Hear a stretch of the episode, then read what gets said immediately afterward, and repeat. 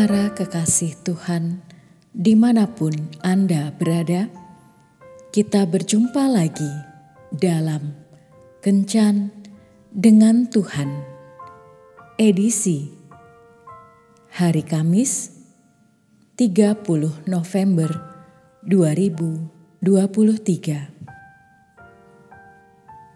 Dalam Kencan kita kali ini, kita akan merenungkan ayat dari kitab Amsal bab 17 ayat 17.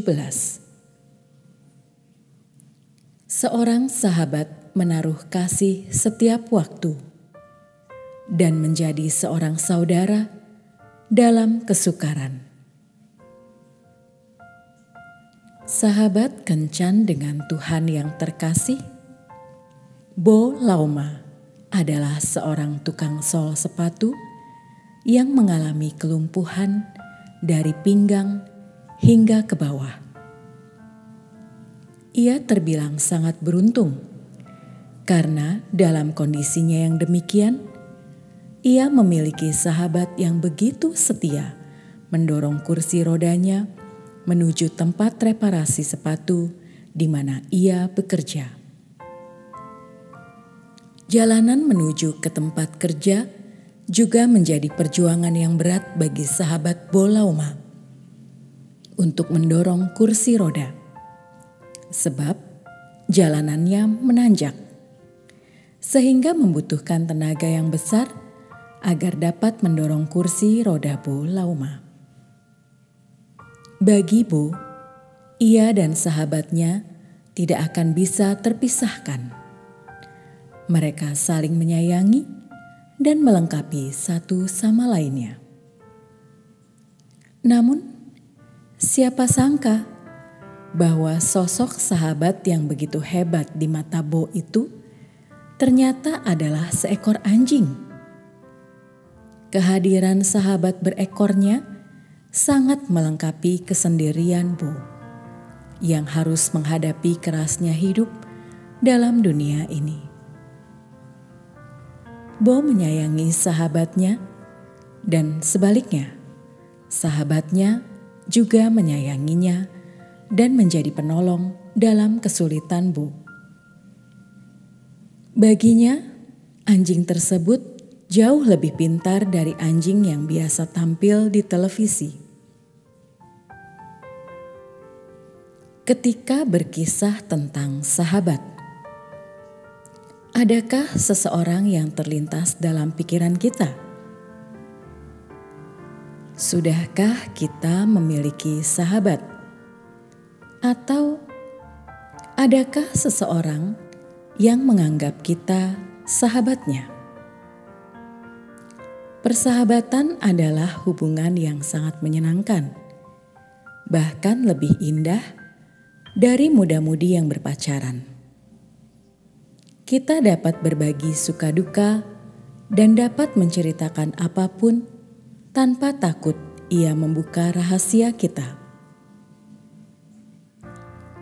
Sahabat adalah seseorang yang memahami segala sesuatu tentang kelebihan dan kekurangan kita, tetapi masih tetap mengasihi kita. Sahabat adalah seseorang yang akan selalu kita rindukan di kala senang maupun susah. Walau demikian pentingnya persahabatan itu, namun yang namanya sahabat saat ini sudah menjadi barang langka yang sulit ditemukan. Ini adalah akibat dari pembunuhan terhadap persahabatan itu dengan sikap yang egois dan tanpa kasih, sehingga lambat laun tanpa disadari persahabatan itu pun bisa punah. Bahkan beberapa orang berkata, mencari uang lebih mudah dibandingkan mencari sahabat sejati. Kini, kitalah yang bertanggung jawab untuk melestarikan hubungan persahabatan ini. Hubungan dengan sesama harus dipupuk dengan kasih yang tulus, sehingga persahabatan itu mulai bertumbuh kembali. Mari kita sama-sama mendemonstrasikan pelestarian sahabat di dalam dunia ini, sehingga ia tidak menjadi barang langka yang sulit ditemukan. Jadikan diri kita sebagai pelestari persahabatan dengan cara menjadi sahabat yang sejati bagi orang lain. Dengan demikian, persahabatan tidak akan berakhir sebagai sejarah, tetapi tetap bertumbuh di dalam dunia ini. Tuhan Yesus memberkati.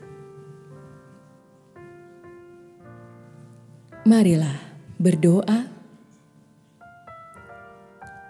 Tuhan Yesus, terima kasih telah mengingatkanku tentang persahabatan. Jadikan aku sahabat yang baik dan setia bagi para sahabatku. Amin.